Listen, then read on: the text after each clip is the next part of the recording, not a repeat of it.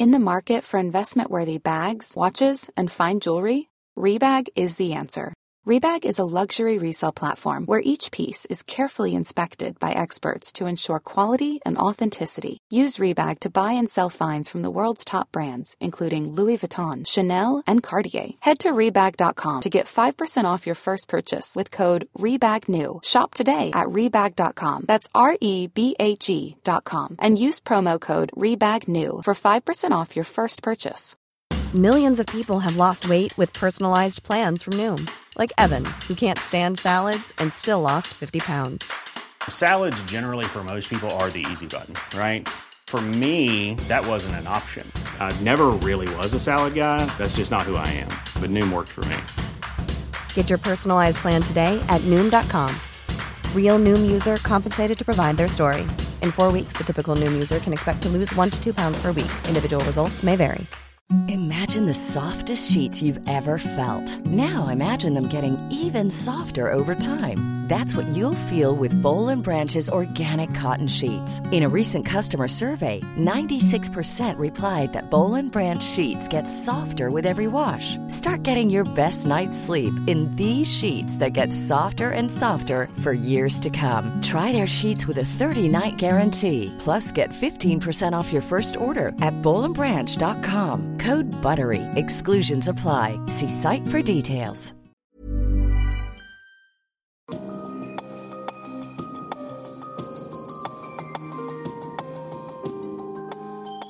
Du lytter til podkast fra Oslo Militære Samfunn. Besøk vår hjemmeside oslomildsamfunn.no, og se oss også på Facebook, Twitter og LinkedIn. Generaler, admiraler, kjære alle medlemmer og gjester og venner av Oslo Militære Samfunn. Varmt velkommen til aftenens møte. Det er den internasjonale holocaustdagen i dag. Opprettet etter resolusjon i FNs sikkerhetsråd i 2005. Verden over minnes man i dag ofrene for folkemordet i de nazistiske utrydningsleirene under annen verdenskrig. Det er i dag på dagen 75 år siden Auschwitz ble frigjort den 27. januar 1945. Og dette ble markert i dag bl.a. med en minneseremoni få meter ifra her hvor vi nå sitter, borte ved minnesmerket etter de norske jødene som ble sendt fra Akershus-kaien den 26.11.1942 til nettopp Auschwitz. Senere fulgte flere deportasjoner. I alt 773 norske jøder ble deportert. 35 overlevde. Statsledere diplomater fra hele verden er i dag samlet i Auschwitz for å minnes ofrene for utrydningsleirene. Annen verdenskrig er bakteppet også for aftenens foredrag. De norske styrkene som ble mobilisert, fikk utstyr og ble satt under kyndig ledelse, sloss tappert mot overfallsmakten. Kampen i Narvik vil aldri bli glemt i norsk krigshistorie. Vi har alle lært at general Fleischer var den første allierte general som slo tyskerne under annen verdenskrig. Og dette temaet, blant mye bedre, har vi vært så heldige å få forfatteren, historikeren og offiseren Knut Werner Hagen til å gi oss sitt blikk på. Knut, talerstolen eller gulvet er ditt. Takk skal du ha, ærede forsamling. Jeg skal um, snakke om general Fleischer og uh, Narvik i 1940. Og uh, når jeg uh, fikk den utfordringen, så tenkte jeg at det er godt å si litt om min vei inn i dette med Fleischer. Og den gikk på mange måter gjennom det bygget som dere ser her. Gjørungveien nummer 6 på Smestad i Oslo. Fordi i 1995 så ble det avduket avdukket en byste over Fleischer på krigsskolen som Skottlandsbrigadens kameratforening tok initiativet til. I etterkant av det så var det et par av oss som tenkte at Fleischer burde det vært skrevet noe om. For han hadde ingen biografi. Og så ble vi etter hvert eh, fem stykker, hvor Torkel Hovland, som døde i fjor, tok regien på skrivingen fordi han var pensjonist. Og så fant vi dette stedet. Det var eh, den gangen, i 1995-96, hjemmet til professor Roar Bjørnstad. Men Roar Bjørnstad hadde overtatt det fra sin tante Tony Fleischer i 1947, da hun døde. Det var som dere ser her, bilde av Fleischer foran Gjørungveien i haven, på verandaen, og, og eh, Carl Gustav Fleischer og Tony Fleischer nede i det høyre hjørnet. Og det var som å komme inn i et eh, For en historiker så var det som å komme inn i et skattekammer. Fordi nesten ingenting var endret siden 1930-tallet. Og i hvert fall ikke siden 1947. Han hadde ikke engang installert kjøleskap. Og der fant vi alt som jeg skal komme delvis tilbake til eh, videre i foredraget. Så er det hvordan å fortelle denne historien om Fleischer og Narvik i 1940. For det er en del av livet hans. Det er 62 døgn, og ikke det meste, men allikevel kanskje de 62 mest dramatiske døgnene i hans liv. Og så fant jeg ut at for å gjøre det så ville jeg ta veien via Canada. Så det jeg skal gjøre nå, er å ta dere med på, eh, i den grad det går an, Fleischers eh, reise til Canada sommeren 1942. Og så skal jeg prøve å gi et bilde av, eh, av uh, Narvik-felttoget fra Ottawa, fra Canada. Delvis sånn som han som kan ha opplevd det, sånn som han beretter om det. Før jeg til slutt kommer med noen kommentarer til uh, det som er skrevet om Narvik i de senere år. Han reiste i eh, slutten av juli 1942. Ikke i en konvoi sånn som dette her, men med en hurtiggående fruktbåt. Sammen med sin eh, adjutant, løytnant Richard Brink Johnsen, over til Halifax. Og, og gikk i land i Halifax den 1. august. Og kom forholdsvis raskt i orden i Ottawa som den gangen var en by med litt over 200 000 innbyggere. Og allerede den 9. august så ble han invitert, bedt om, å holde et foredrag om kampene ved Narvik i 1940 for en forsamling med sjøfolk. Og han skriver i eh, brevene sine fordi han i den perioden i Canada, disse månedene han var der fram til han døde, så skrev han i hvert fall ukentlig, kanskje et par ganger i uken, brev til sin kone Tony, som var tilbake i London. Eh, og gjennomgikk det han gjorde, og, og, og skrev om, om uh, sine opplevelser og mye om forholdet mellom de. Underveis så var det um, blant annet, For han var jo blitt sjef for de norske styrker i Canada. Eh, og de norske styrker i Canada var først og fremst Ole Reistads Little Norway, treningsleir for norske piloter.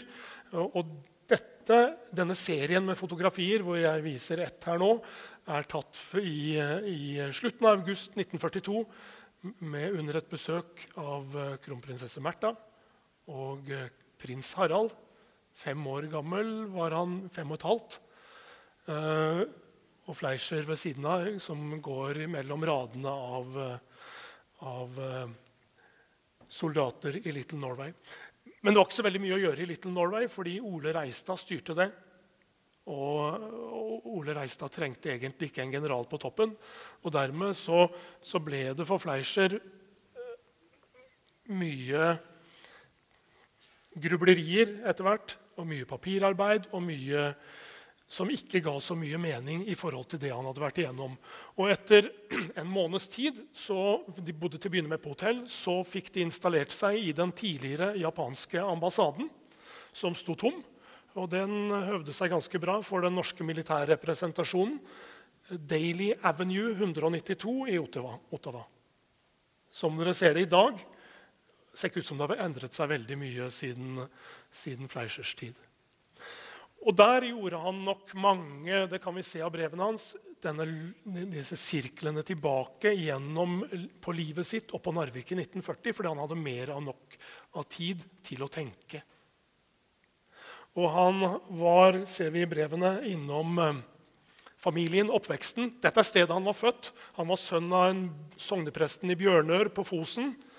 Han mistet sin far da han var to år gammel, så han vokste opp sammen med moren Johanne, som ble enke 35 år gammel, og storebroren Andreas. Og jeg tenker at Johanne Fergstad Fleischer må ha vært en, eh, litt av en dame som fostrer opp disse to guttene helt aleine. Hvor den ene blir general, og den andre blir biskop i Bjørgvin. Um, 20, de flyttet, for de kunne ikke bo i sogneprestboligen i Bjørnør. Så de flyttet inn til Trondheim, og det var der han hadde oppveksten sin. Og den akvarellen her av um, festning, og så et lite trehus ned til venstre under festningen, er malt av Fleischer i 1906. Og det viser barndomshjemmet hans. Eh, og det står ganske urørt uh, sånn i dag også, hvis det er bygd på litt. Men, barndomshjemmet til Fleischer i Lillegårdsbakken er fullt gjenkjennelig fremdeles i dag. Han skriver i um, sin i, i, Som, i, som i, studentårboken fra 1928, hvor han hadde 25-årsjubileum som ikke som student, men som artianer og som gymnasiast, at han hadde to ting han, som interesserte han utenom det å være offiser og det militære. Og det var ørretfiske og akvarellmaling. Eh, så han var kanskje litt snever. Eh, eh, at han, dere så et eksempel på akvarellene hans. Og så gikk han gymnas i Kristiania, og så gikk han inn på krigsskolen. Og dette er kullbildet hans fra 1905. Det, vil si det er kadettene i flere avdelinger på krigsskolen i 1905. Jeg har noen, jeg, der går det ikke an å peke ut hvem som er Fleischer, fordi det står ikke noe navn på bildet. Jeg har en tre-fire som jeg ikke skal begynne å prøve å overbevise dere om at det er en av de, men dette er starten på hans militære karriere underveis eh, noen akvareller. fra denne akvarell. Han var ikke så verst til å male akvareller. Og dette malte han da han var stabssjef i 6. divisjon i 1922 fra Harstad. Og så var det dette med ørretfiske. Dette er definitivt laks, laksefiske. fordi jeg kjørte sørover i fjor sommer, og så så jeg at det der er jo laksforsen i Vefsna. Og det gikk an å finne akkurat samme steinen som han sto på. Så det er altså det med ørretfiske eller laksefiske her som regimentsjef i IR-14 og akvarellmaling. Carl Gustav Fleischer. Men det var ikke det jeg skulle snakke om. Jeg skulle snakke om 1940. Og i 1939 så ble han sjef for 6. divisjon. I mars 1939. Da var han 56 eh, år gammel. Ehm, og hadde ansvaret for et område fra Majavann i syd, grensen Nordland-Trøndelag, og opp til grense Jakobsfjell-elv i nordøst. Det er, et, eh, det er, et, langt område med tre infanteriregimenter. Og med grensen den gangen, grensen mot Finland og Sovjetunionen i øst, som ikke bød på få utfordringer. Før jeg nå går videre, og for at dere skal være på, i samme modus som meg når vi går inn i Narvik-felttoget, så må, jeg, må vi ta et sånn teoretisk sidestepp. Og da har jeg valgt å bruke Michael Howard, den britiske professoren. Offiser og professor. Og han er virkelig professor i krigsstudier fordi han er grunnleggeren av den britiske War Studies-tradisjonen. Og Han eh, hadde også sin bakgrunn som offiser under den andre verdenskrig i det britiske infanteriet og er dekorert for tapperhet i kamp eh, ved Salerno i 1943. hvis jeg ikke husker feil. Og Howard han poengterer to ting som spesielt ved det å være profesjonell soldat, som jeg syns er ufattelig bra. Det ene, disse to utfordringene, det ene er det at i vårt yrke så trener og trener og trener vi no for noe som vi forhåpentligvis aldri skal praktisere. Og det er, Han bruker et bilde på det. Han sier det er som om du tar et nyfødt barn og så sier du til foreldrene barnet deres er direkte kvalifisert til finalen på 100 meter fri i de olympiske leker om 25 år. Med ett handikap får ikke trene i vann. Og Da kan man jo forestille seg hvordan det måtte være for det barnet å stå på startpallen 25 år senere og skulle forsvare nasjonens ære.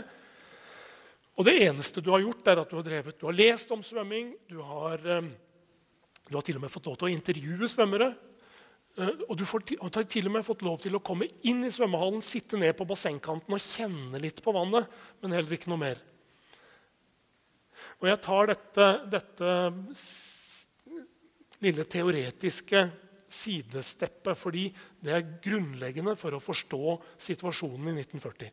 Det andre er det at å drive et militærvesen i fredstid, sier Howard, det er en stor sak. Det er en stor sak med stort ansvar på alle nivåer, egentlig. Og Det skumle med det er at det har en tendens til å bli en sak i seg selv. Vi må i hvert fall gri, eh, gripe oss i nakken med jevne mellomrom, slik at dette ikke blir en sak i seg selv, og vi taper av syne hvorfor vi egentlig er der. Og der er vi i 1940. Og jeg, og jeg vil illustrere det med dette bildet. For her har vi åtte personer, tre i forgrunnen. Åtte personer, åtte generaler. Det vil si en av dem var oberst i 1940, Otto Ruge, men han ble general da Christian Låke eh, reiste hjem. Og det er tre av åtte som klarer å gjøre jobben sin fullt ut. Og så er det litt varierende blant de fem andre. Men, men, to av de fem andre ble jo stilt for krigsrett i 1945 og dømt til 60 dagers festningsarrest fordi de ikke klarte å gjøre jobben som divisjonssjefer i 1940. Det er et tankekors og, og, det er jo Jeg tenker at eh, Michael Howards bilde av det å stå på startpallen Og du har aldri vært i vann før, men du har driftet et militærvesen i, gjennom, en hel, gjennom en hel yrkeskarriere, er treffende i den sammenhengen her. For Fleischer, ved siden av Otto Ruge og William Steffens for Fleischer så kom denne dagen ikke uventet fordi han hadde forberedt. Altså Når du ikke er, når du ikke er interessert i veldig mye annet enn ditt eget yrke, bortsett fra ørretfiske og akvarellmaling, så, så, har du et grunnlag for å være på hugget når du står der på startpallen. Og Fleischer var den 9. april, natt, eller den 8. april i Vadsø, av alle steder. Så langt vekk fra Narvik i teigen hans som det gikk an å komme. Og så får de melding om at det er en tysk langgang i, i, på vei, eller som foregår. Og de strever med å få opprettet Fleischer og stabssjefen hans oppe til høyre, major Lindbekk Larsen, strever med å få opprettet kontakt, telefonkontakten til oberst Sundlo, som var eh, forsvarssjef som det het, i Narvik. Som regimentsjef og ansvarlig for Ofoten. Oberst Sundlo oppe til venstre. Og jeg skal lese for dere. Pl plutselig, skriver Lindbekk Larsen, plutselig brakte sentralborddamen meg en sensasjon. Oberst Sundlo var i telefonen. Jeg ville ikke være mellommann ved denne samtalen og leverte telefonen til generalen. Det mumlet fra telefonen ut i den kalde spisesalen på hotellet. Jeg kunne ikke skjelne et ord, og av generalens ubevegelige ansikt var det ikke mulig å lese hva oberst Sundlo sa. Mumlingen holdt opp, og generalen svarte rolig og presist, som om det var en lenge gjennomtenkt replikk. Brenn mobiliseringsarkivet. Gi deres offiserer ordre til å melde seg for major Omdal. Meld dem selv for major Omdal til arrest. Mumlingen fortsatte. Var det en innbilning, eller lå den nå noe høyere på toneskalaen? Det var, i, det var iallfall ingen forandring i generalens ansikt, og heller ikke i hans stemme, da mumlingen omsider opphørte igjen, og generalens nye replikk lød.: Brenn mobiliseringsarkivet. Gi deres offiserer ordre til å melde seg for major Omdal. Meld dem selv for major Omdal til arrest. Generalen la telefonen bort, skriver Lindberg Larsen, og jeg nappet den opp og gjenopp, gjenopptok eh, forbindelsen med telefonsentralen i Narvik. Og jeg tenker at eh, når du står der på startpallen, eller du har egentlig allerede stupt uti, så er den replikken, slik som den er beskrevet av Lindbekk Larsen, noe man eh, aldri bør slutte å repetere. I hvert fall ikke når det holdes et foredrag, foredrag om Fleischer og Narvik i 1940.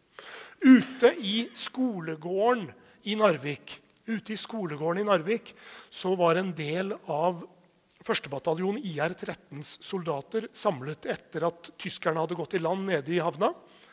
En rundt 250 mann. Og dette er et unikt fotografi. En av de, Han tok dette bildet av noen av sine kamerater når de står der og venter på at major Omdal skal komme ut. Og ut kommer bataljonssjefen, major Spjeldnes, og nestkommanderende ved regimentet, major Omdal. Og så stiller de de opp. Og så, som dere har hørt om, for alle har hørt om den marsjen ut gjennom denne skolegårdsporten. Den er der fremdeles. Det eneste forskjellen nå er at har, skolen har løftet av jernporten, så den står på siden. Der marsjerer 250 mann ut forbi en tysk vaktpost som roper 'halt'. Og major Spjeldnes, som går foran, hilser og sier 'Guten Morgen, wir marschieren'. Og så går de ut og, og østover langs jernbanen og så tar de opp kampen mot uh, de tyske bergjegerne. Fleischer hadde et alvorlig dilemma. Og, og, det er det at han, var, han, hadde en fiende som hadde gått i land i sentrum av hans, hans divisjonsområde, hans ansvarsområde. Men han hadde like fullt ansvaret fra Sør-Varanger til Majavann. Og Det er det viktig å ha med seg i, i minnet når man skal se på hvordan han håndterte dette videre. Jeg har lagd en, en, slags, eh, en slags plansje her Eh, hvor dere over denne rekken av skiløpere har norske og allierte avdelinger. Hvis de, eh, som den 9. april de, Hvis det er grønt De grønne de representerer ferdig mobiliserte bataljoner. De gule representerer bataljoner som var under mobilisering den 9. april. Fordi Fleischer iverksatte, eller ga mobiliseringsordren omtrent samtidig med at regjeringen i Oslo bestemte at de skulle mobilisere. Så, så Fleischer gjorde det helt på eget initiativ. Han var, samme, var, på samme bølgelengde, kan vi trygt si. Så er det under rekken av skiløpere så er det tyske avdelinger. Og så, jeg, så er, det, er det Hvis de er hvis det ikke er noen farge inni, så er det avdelinger som ikke har vært i kamp. Hvis det er en lys farge inni, som vi kommer tilbake til, så er det avdelinger som har hatt ilddåpen sin, men ikke noe mer. Og som for de tyske bergjegerbataljonene i Narvik så er det kamptrente avdelinger. For de hadde vært i Polen i 1939 og visste hva strid var. Visste hva krig var. Så er det også, lagde jeg en grå skravering på det etter hvert som avdelinger gikk tapt. Bare for å forklare det. Og den 23. april så har, så har 6. divisjon brukt godt og vel to uker på å mobilisere. Og situasjonen i Narvik-området var med et slags konsolidert tysk eh, område rundt Narvik, med bergjegere i nord og vest, og med marinegaster utrustet som infanteri langs kystlinjen innerst i Herjangsfjorden og Ofotfjorden og med den britiske marinen, som hadde full kontroll på sjøen etter sjøslagene. Fleischers idé var ved Narvik å gjøre en offensiv i tre steg før han forflyttet divisjonen sydover mot Trøndelag. Det var hans, Ganske tidlig så ser man av det han skriver, at det var hans, hans tanke i dette. her. Og Da ville han først ta Bjerkvik, så ville han gå mot Bjørnfjell og deretter gjenerobre Narvik, før han flyttet divisjonen sørover. Eh, den 22. april så ser dere at situasjonen er annerledes på norsk side. For det er langt flere, avde, eh, flere avdelinger som, kommet, eh, som, er klar. Men allerede nå, eh, i den 23. april, så har han mistet en bataljon. Den han mistet i Narvik den 9. april. Altså Det var to, 250 mann som gikk ut skolegårdsporten, men de ble nedkjempet og gikk over grensen til Sverige ved Bjørnfjell den 16. april. Og dermed har han allerede mistet en bataljon. Og så har det kommet inn lys blå på norsk side i sentrum ved Narvik. En britisk brigade med tre bataljoner. Men ikke veldig, ikke veldig, skikket til å operere under vinterforhold i nord.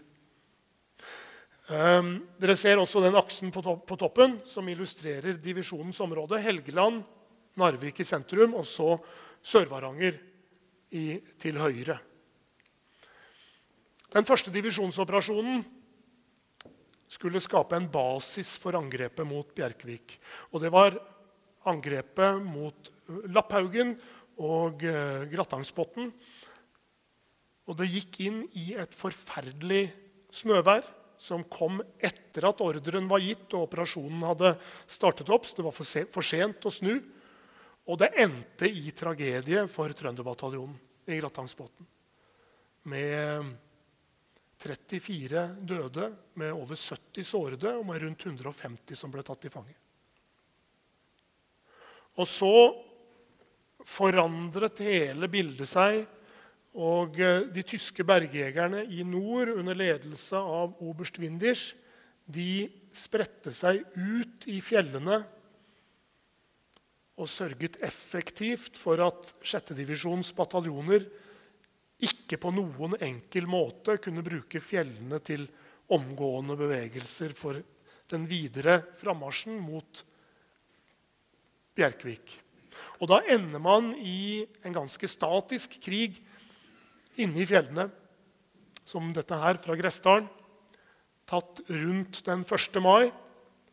Og den 1. mai samtidig, på Værnes, så ser vi her et bilde av eh, Josef Terboven som holder en takketale til norske frivillige mannskaper som har utvidet og istandsatt rullebanen på Værnes, slik at tyske fly kunne utvide sin eh, operasjonsradius og være mye lenger over Narvik-området. Hey, I'm Ryan Reynolds. At Mint Mobile, we like to do the opposite of what Big Wireless does. They charge you a lot we charge you a little. So naturally, when they announced they'd be raising their prices due to inflation, we decided to deflate our prices due to not hating you. That's right. We're cutting the price of Mint Unlimited from $30 a month to just $15 a month. Give it a try at mintmobile.com slash switch. $45 up front for three months plus taxes and fees. Promo for new customers for limited time. Unlimited more than 40 gigabytes per month. Slows. Full terms at mintmobile.com. Millions of people have lost weight with personalized plans from Noom like Evan, who can't stand salads and still lost 50 pounds. Salads, generally, for most people, are the easy button, right? For me, that wasn't an option. I never really was a salad guy. That's just not who I am. But Noom worked for me. Get your personalized plan today at Noom.com. Real Noom user compensated to provide their story. In four weeks, the typical Noom user can expect to lose one to two pounds per week. Individual results may vary.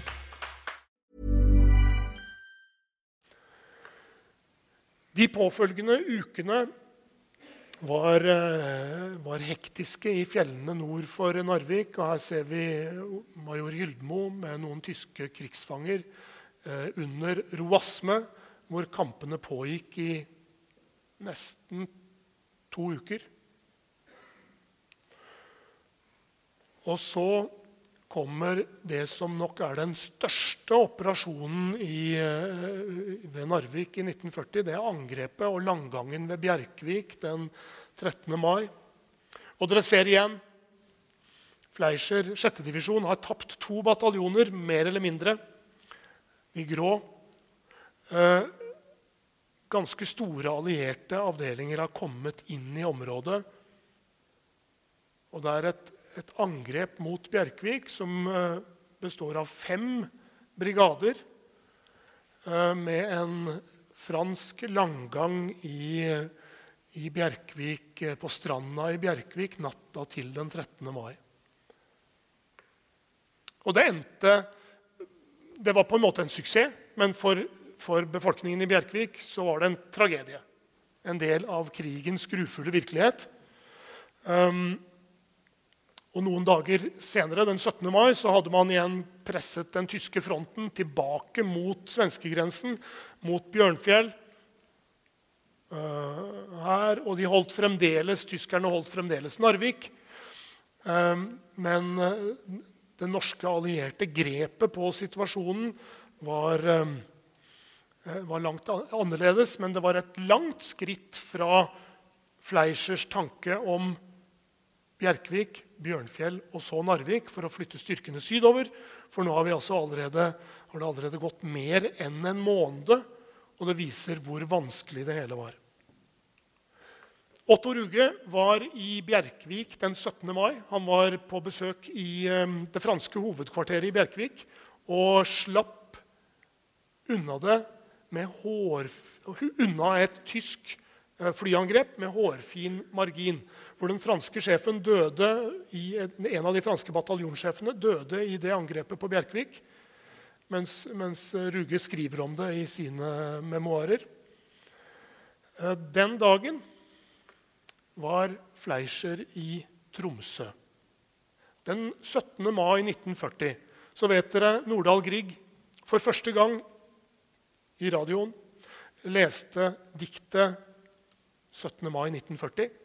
I dag står flaggstangen naken blant Eidsvolls grønnende trær.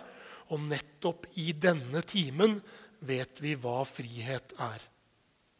Og Samme dag så Fleischer en, leste Fleischer en 17. mai-tale på Tromsø radio, eh, hvor han ganske krast gikk i rette med forsvarspolitikken før krigen. Og understreket at vi har på en måte lagt, vi har gravd vår egen grav og lagt opp til dette selv. Og det var nok en ganske frisk tale å holde for en divisjonssjef i den situasjonen. Fordi han eh, han gjorde noe som kunne bli oppfattet så, eller ikke bare kunne bli, men som helt åpenbart ble oppfattet som kritikk av, av regjeringen, av, som jo da var en sammensatt regjering fra alle partier i Tromsø, og av de politikerne som hadde kommet nordover i begynnelsen av mai. Inne i fjellene så var, så var de norske avdelingene på vei sydover og østover og I bakgrunnen på dette bildet, omtrent der inne, eh, så ligger Lapphaugen. E6 eh, e går på tvers der i dag. Og Lindbekk Larsen har en skildring av Fleischer på Lapphaugen omtrent på denne tiden. Eh, noen dager før 17. mai-talen i Tromsø. Hvor han forteller at generalen besøkte det som var omlastningspunkt og endepunkt for aksen oppe ved brøytestasjonen på Lapphaugen. Og mens de sto der og inspiserte og så på norske mitraljøsestillinger og så på avdelingene som var på vei ut i terrenget, så kom en, et tysk fly, en, et Heinkel 111, og begynte å, å pepre området med sine maskinkanoner. Og Lindbekk Larsen skriver at han raskt søkte dekning nede i en snøgrop og ser seg rundt når han har liksom kommet ned der og ser hvor er generalen. Og så ser han generalen står oppe på brøytekanten eller på snøkanten over mitraljøsestillingen. Og Flyet det svingte rundt og kom tilbake igjen. Og generalen ble stående der og se på flyet, ifølge Lindberg Larsen, til det til slutt ble borte. Og det var jo galskap, skriver Lindberg Larsen. Men for han så var det det bildet som festet seg av Carl Gustav Fleischer når han tenkte på Fleischer i ettertid, skriver han i boken om sjettedivisjonen like etter krigen. Den 27. mai så er det et, et markant norsk og spesielt alliert overtak ved Narvik. Og nå har de bestemt seg for at Narvik skal tas før Bjørnfjell. altså Litt ute av takt med det Fleischer hadde tenkt. Og dere ser at på det tidspunktet så var mer eller mindre samtlige av avdelingene ved Narvik her i midten de var kamptrente. Mens det var litt varierende nede, på, nede i Salten. Og avdelingene i um, Sør-Varanger hadde selvfølgelig ingen, ingen opplevelse av krigen direkte. På tysk side så var det eh, ikke så mye annerledes. Bortsett fra i Salten, hvor hele, store deler av 2. bergjegerdivisjon var på vei nordover. Og Fleischer og Ruge hadde på det tidspunktet alvorlige bekymringer med hvordan de skulle greie å takle dette. Den 27. mai så jevnes Bodø med jorden. Hele sentrum av Bodø jevnes med jorden av noen og 30 bombefly fra, tyske bombefly fra Værnes den dagen. Og inne i fjellene så, så tar 6. divisjons soldater ut det siste. Dette er et litt artig bilde. Der er troppssjefen Ivar Dalberg, som var troppssjef i 1. kompani IR-16. Og til Venstre bak Ivar Dahlberg sitter Aksel Dalhaug, som eh, er far, eller var far til eh, Arne Bård Dalhaug, generalløytnanten, eh, som hadde vært med i Dalbergs tropp gjennom hele felttoget med 1. bataljon IR-16. Og Så kom den, den avgjørende dagen på en måte med langgangen i Narvik den 28. mai. Og da var Fleischer med. Fordi om det var noe han ville ha med seg, så var det en amfibieoperasjon, men med franske styrker, den franske fremmedlegion, to bataljoner, støttet av en norsk bataljon. Og her ser vi Fleischer på øyjord omtrent altså mens landgangen mens den første bataljonen av Fremmedlegionen eh, var satt over, og mens Hyldmos bataljon venter på å bli satt over. Ved siden av Fleischer her så står major Ivar Hyldmo, sjef 2. bataljon IR-15. Og det er ikke så godt å si hvordan han ser ut, fordi dere har ikke noe å sammenligne med. Men her har dere noe å sammenligne med. fordi dette bildet er tatt fire uker før. Og det som slo meg når jeg plutselig så det etter noen år, det, det var at uh, major Hyldmo den 28. mai var ganske preget av uh, to måneder, nesten to måneder i kamp. Han har blitt ganske mye tynnere og lettere, barket og brun av vær og vind gjennom kampene fram til langgangen i Narvik. Og Fleischer var med i andre bølge. Hver bataljon måtte overføres i to runder. Eh, slik at eh, De fikk, hadde ikke langgangsfartøyer mer enn til en halv bataljon av gangen. Og Fleischer var med, var med andre bølge over til Narvik-siden og så på det som skjedde. Men Hyldmos bataljon var jo underlagt den franske fremmedlegionen. 13. halvbrigade av fremmedlegion. Og eh, et, noe etter at Hyldmos bataljon har kommet i land, så ble Fleischer oppsøkt av en meget sint fransk oberst. Hvis han ble bedt om å komme ned til hovedkvarteret til Fremmedlegion. Og ble, ifølge Lindberg Larsen, eh, ordene til den franske obersten var ikke veldig pene. Og var, den franske obersten var rasende fordi den eh, norske bataljonen ikke var kommet så langt fram som han hadde ønsket. Og, var, og et tysk motangrep eh, mot den norske bataljonen kunne forandre hele situasjonen til det, til det kritiske. Hvorpå Fleischer ifølge Lindbekk Larsen svarte at eh, han eh,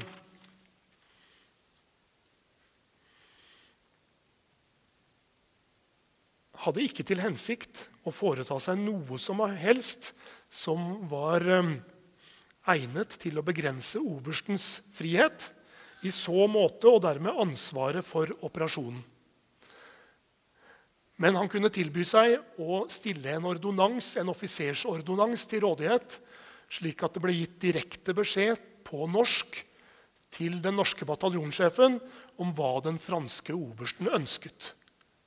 Og så ble det ikke noe mer av saken. for Samtidig så kunne de se i kikkert at den norske bataljonen hadde begynt framrykningen igjen. Og så ble den, den franske obersten eh, forholdsvis eh, stille. Eh, Narvik ble enerobret, Og eh, noen få døgn senere så ble Narvik bombet. Den ble bombet i to omganger. En ung britisk marineløytnant greide sammen med ordføreren å evakuere hoveddelen av byens eh, befolkning, i hvert fall kvinner, barn og gamle, slik at mange reddet livet eh, før, eh, ved å komme seg ut av byen. Den 4. juni skrev Fleischer, eller 6. divisjon, et brev til kongen fordi man hadde sett og fått vite at de allierte var, seg, var, i ferd med å trekke seg ut, og Fleischer var rasende over at de ble sviktet idet de nærmest var i ferd med å lykkes. Brevet ble tatt med til Tromsø den 5. juni, og så ble det egentlig lagt bort. fordi at Da Fleischer fikk forklart situasjonen, så så han at han hadde ikke grunnlaget for å få Det var ikke noe grunnlag for dette her lenger, slik at det ble lagt bort. Men det brevet skulle komme til å forfølge han som et mareritt videre gjennom livet. Og den 7. juni så var egentlig på mange måter det hele over. Det var bare en mindre norsk styrke igjen ved Narvik og noe i Sør-Varanger som ikke er å, noe å snakke om. Og så var det en ganske stor tysk styrke som var i ferd med å bygge seg opp rundt området. Tyske. Dette er ikke bare tyske bergjegere. Dette er et fascinerende fotografi, for det er tyske bergjegere, som dere ser i disse tradisjonelle bergjegerluene. Det er tyske fallskjermjegere med med fallskjermjegerkompanisjefen Halpmann Walter i sentrum med skjerf rundt halsen. Og det er tyske marinegaster preget av uker med kamp i høyfjellet. Og dette er et minst like fascinerende bilde. Dette er ikke lenger, er ikke lenger uh, gutter som står på startpallen i 100 meter fri uten å ha vært i vann før. Dette er et mitraljøselag i 1. bataljon IR-16 idet de har kommet ned fra fjellet når de fikk ordre om å trekke seg tilbake. Og vi ser at de har vært gjennom mye. Bildet taler et veldig tydelig språk.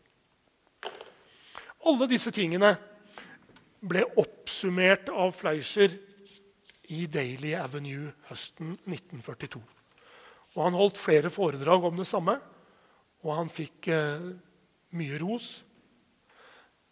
Men eh, det er eh, åpenbart at eh, brevet av 4. juni og det at han eh, hadde oppfordret kongen og regjeringen til å bli igjen i Norge og søke separat fred med, og våpenhvile med tyskerne, som igjen kom opp, som Tor Boman Larsen har skrevet så, så fortreffelig om, kom opp i Aftenposten sommeren 1941 uten at det egentlig ble svart på det, og som kom til å følge Fleischer eh, igjen ved at han klandret seg for dette. I september 1942 så kom Hambro til, på besøk i, um, til, um, til uh, Daily Avenue i Ottawa. Og hadde samtaler på tomannshånd ifølge Richard Brink Johnsen, Fleischers adjutant, uh, med Fleischer. Som nok er mye av årsaken til at Fleischer 10-12 år senere gikk ut med et så vidt sterkt forsvar for og en varm omtale av Fleischer i, i flere artikler på midten av 1950-tallet. Som jeg registrerer at Tom Christiansen har kritisert ganske kraftig i sin bok om Otto Ruge. Eh, hvor Tom Christiansen bl.a. skriver at eh, Hambro eh, skriver emosjonelt og manipulerende jeg med, jeg tok en telefon når jeg fikk utfordringen på foredraget til Iselin Teien, som er en doktorgrad i historie, og som skrev en biografi om Hambro for noen år tilbake. Iselin Teien kjente ikke helt igjen det bildet av Hambro som Tom Christiansen gir i boka om Otto Ruge. Um, og delte ikke helt uten videre den i, i forestillingen om at Hambro var manipulerende og emosjonell når han skrev disse artiklene om Fleischers, fors for, Fleischers forsvar eh, på 50-tallet. Derimot, sa Iselin Teien, var Hambro, slik hun opplevde han gjennom sine studier for den biografien hun skrev, en mann som aldri var redd for å si det han mente, og som ikke la noe imellom når han sa det.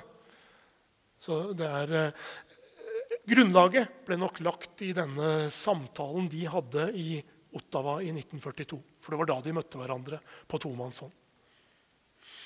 Lørdag 19. desember, lørdag 19. desember 1942 så hadde kan vi ha brevene mellom Fleischer og fru Fleischer.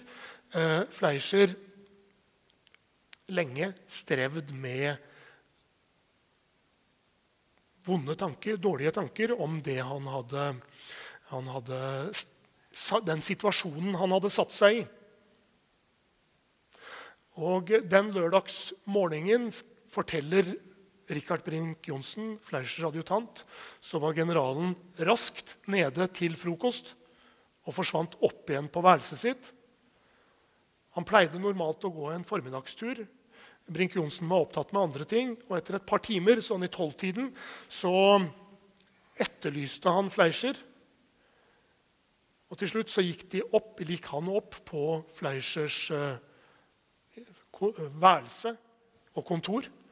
Og så fant han generalen død på badet.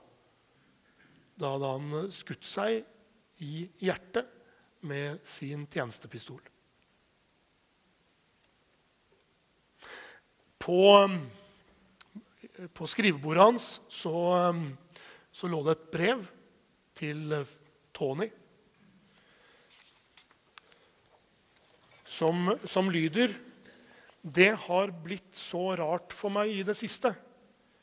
Jeg ser at jeg fikk lov til å bli til ære, men at en misforstått innskytelse har gjort alt til enda verre vanære. Jeg vet ikke hva jeg skal gjøre, eller hvordan jeg skal leve. Jeg elsker deg og mitt land og mine kjære, men kan fra nu av bare skade alle. Døm meg mildt.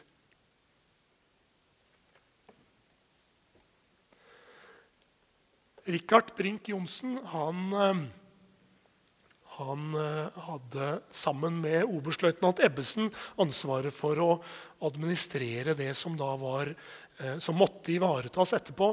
Og Richard Brink Johnsen fikk ordnet slik at en fotograf tok disse bildene. Og da jeg sammen med, med denne Fleischer-gruppen som hjalp Torkel Hovland med å skrive biografien, Eh, så, så, fant, eh, så, så, var det to av oss som var nede og møtte og intervjuet Brink Johnsen. Og da kom han med disse bildene som han hadde sittet med i nesten 60 år. Blant annet dette bildet. Og så er det så er det noe jeg vil si til slutt. Og det er den, den en, um, en, en, en misforståelse, eller hva jeg skal kalle det, som har slått rot på grunn av Dette er to historikere eh, og professorer som jeg eh, respekterer veldig. Ole Kristian Grimnes og Tom Kristiansen, De er, eh, de er eh, framifrå forfattere og historikere. Ole Kristian Grimnes hadde jeg som veileder da jeg selv tok hovedfag. Og Tom Kristiansen kjenner jeg fra mange år på Institutt for forsvarsstudier. i samarbeid med de. Men de har lagd det til en sannhet. Eller en misforstått sannhet. To ting som jeg vil poengtere. Det ene er dette med styrkeforholdene ved Narvik. 30 000 mann mot 6000 tyske, skriver Ole Kristian Grimnes i 1984.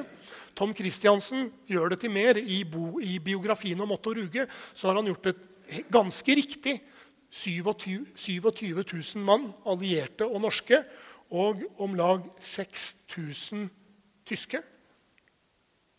Og I tillegg så har Tom Christiansen flere ganger um, gjort det til et poeng at de allierte, og, altså de norske og allierte luftstyrkene hadde luftkontroll ved Narvik. Luftkontroll er etter hva jeg fikk høre fra min venn Ole Jørgen Maae på Luftkrigsskolen, et, litt, et begrep som ikke lenger brukes. Men det er egentlig det samme som vi i dag kaller luftherredømme ved Narvik. Og det vil jeg eh, poengtere. I tillegg så, så jeg at eh, Universitetet i Tromsø eh, kalte, da Tom ble, ble, ansatt som historieprofessor for andre verdenskrigsprosjektet, omtalte han som krigsprofessoren, som, være, som vil være en mythbuster. Det er ikke Toms ord, men det er antakeligvis kommunikasjonsavdelingen på Universitetet i Tromsø. Og så er det dette her. Det er to ting. Hvor mange kjempet ved Narvik? 27 000, 8000-10 000 norske, 6000 tyske.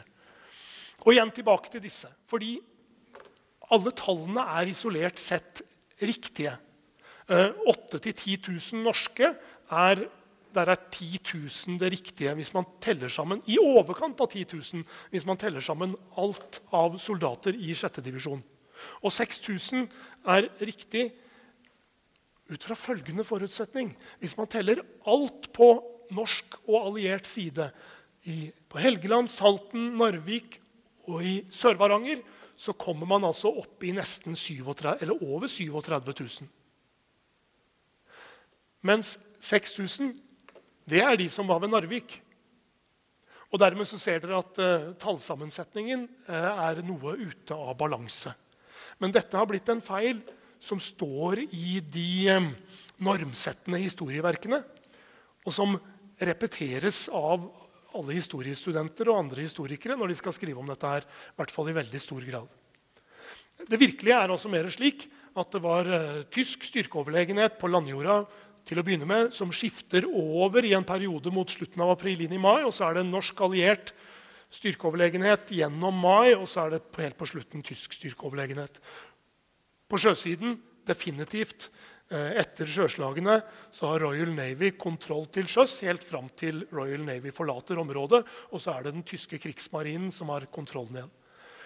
Hvem hadde kontroll i luften? Det, er, det kunne vært et foredrag i seg selv. Men jeg skal prøve å fremstille det kort. Jeg gikk gjennom det som heter Lages berichte, de eh, Wehrmacht Führungsstabs, eh, for april, mai, juni 1940. Og de lyseblå dagene som jeg har markert det, er de dagene hvor det var tysk flyaktivitet over Narvik-området. Definitivt etter de, etter de protokollene. Det kunne være rekognosering eller det kunne være angrep. De hvite er dager hvor det eh, eh, ikke er bekreftet, og de jeg har lagt en gul farge på, er litt usikre. Så dere ser I hovedtrekk så er, det, så er det flyaktivitet hver dag, nesten hver dag. De grå er dårlig vær, så da var det ingen flyaktivitet. Men det er ikke veldig mange grå dager. De tyske flyene opererte fra Jonsvatnet ved, ved, Trondheim fram til ute i slutten av april. Da begynte isen å gå opp, så de, så de uh, gikk gjennom isen. Dette er en Junker 88. Deretter opererte de fra Værnes, men etter hvert mot slutten av mai så opererte de også fra en feltflyplass i Hattfjelldal. Og et typisk, fly, et, et typisk en operasjonsmønster eller hva man skal kalle det, mot Narvik kunne altså være eh, tro det eller ei, eh, en, en, en, styrke som tok av fra Sola flyplass ved Stavanger. For på Sola var det betongdekke og ideelle forhold også logistikkmessig for de tyske flystyrkene. Fløy opp, slapp bombelasten sin, gjorde det de skulle over Narvik-området men med rimelig tid til å operere og gjøre det, og det de skulle gjøre over Narvik. Og så returnerte til Værnes, Værnes for refueling, sier de antakeligvis i Luftforsvaret, og så tilbake til Sola. Her er et bilde av et bombeangrep på britiske forsyningsfly ved Harstad. Her er et bilde av Gjevergården i Harstad, som har fått en uh, brukbar treffer. Her er Bodø etter den 27. mai. Her er en bombe. Den er på en film som jeg fant på nettet, hvor de har en hilsen til Narvik. Det er et som, det er et bilde jeg har lagd, men jeg hadde litt moro med å lage det. For det er en Junker 87 som opererte over Narvik, og det er en Junker 88 eh, over Narvik. Og dette er Narvik etter bombeangrepene i månedsskiftet mai-juni. En, en, av disse disse dagboksberetningene som, som, er skrevet av Luftwaffe. Jeg tror vi hopper forbi den. Og da ser man det at den forestillingen om at norske og allierte luftstridskrefter hadde luftherredømme ved Narvik, stemmer etter min mening ikke. Det har jeg sagt til min venn Tom Christiansen, men han har mange jern i ilden, så det ble gjentatt i boka, i biografien om Otto Ruge. Men jeg vil vel mene at man kan si at norske og allierte, spesielt eh, de britiske jagerflyskvadronene fra Bardufoss, hadde lokal luftoverlegenhet i perioder. For halvannet år siden så fikk vi med oss eh, den gang riksantikvar inn i Narvikfjellene. Jørn Holme, like før han gikk av med pensjon, eller skiftet jobb. Og det resulterte i at et område nord for Bjørnfjell, helt inn mot svenskegrensen, på 33 kvadratkilometer, nå er midlertidig fredet og vil bli fredet etter, alle, etter, etter alt jeg kan forstå, i løpet av et år eller halvannet. Det er et minne etter 6. divisjons soldater og etter general Fleischer. I november i fjor så hadde jeg den store gleden å ha Og det, og det veldig vemodige å ha med meg en avdeling fra US Marines til Narvik. Vi var oppe i Taraldsvikfjellet, hvor kampene pågikk. og Så besøkte vi Ivan Vanje på aldershjemmet rett under Taraldsvikfjellet etterpå. Han var nesten 102 år. Han døde tre uker senere. I dag er det to av 6. divisjons soldater tilbake etter det Krigsmuseet i Narvik har oversikt over. En på Grong og en i Selbu. Og de er begge 100 pluss.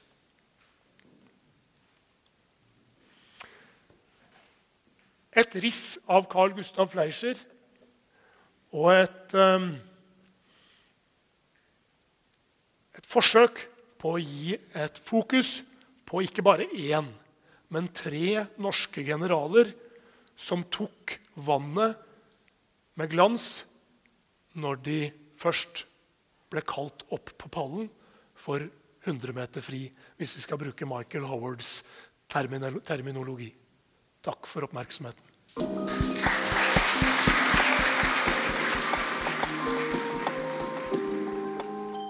Du har hørt podkast fra Oslo Militære Samfunn.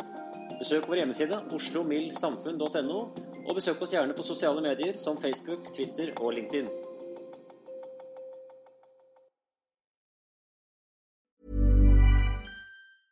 Mom deserves the best, and there's no better place to shop for Mother's Day than Whole Foods Market. They're your destination for unbeatable savings, from premium gifts to show-stopping flowers and irresistible desserts. Start by saving 33% with Prime on all body care and candles. Then get a 15-stem bunch of tulips for just $9.99 each with Prime. Round out Mom's menu with festive rosé, irresistible berry chantilly cake, and more special treats. Come celebrate Mother's Day at Whole Foods Market. Imagine the softest sheets you've ever felt. Now imagine them getting even softer over time. That's what you'll feel with Bowl and Branch's organic cotton sheets. In a recent customer survey, 96% replied that Bowl and Branch sheets get softer with every wash. Start getting your best night's sleep in these sheets that get softer and softer for years to come. Try their sheets with a 30-night guarantee. Plus, get 15% off your first order at bowlandbranch.com. Code BUTTERY. Exclusions apply. See site for details.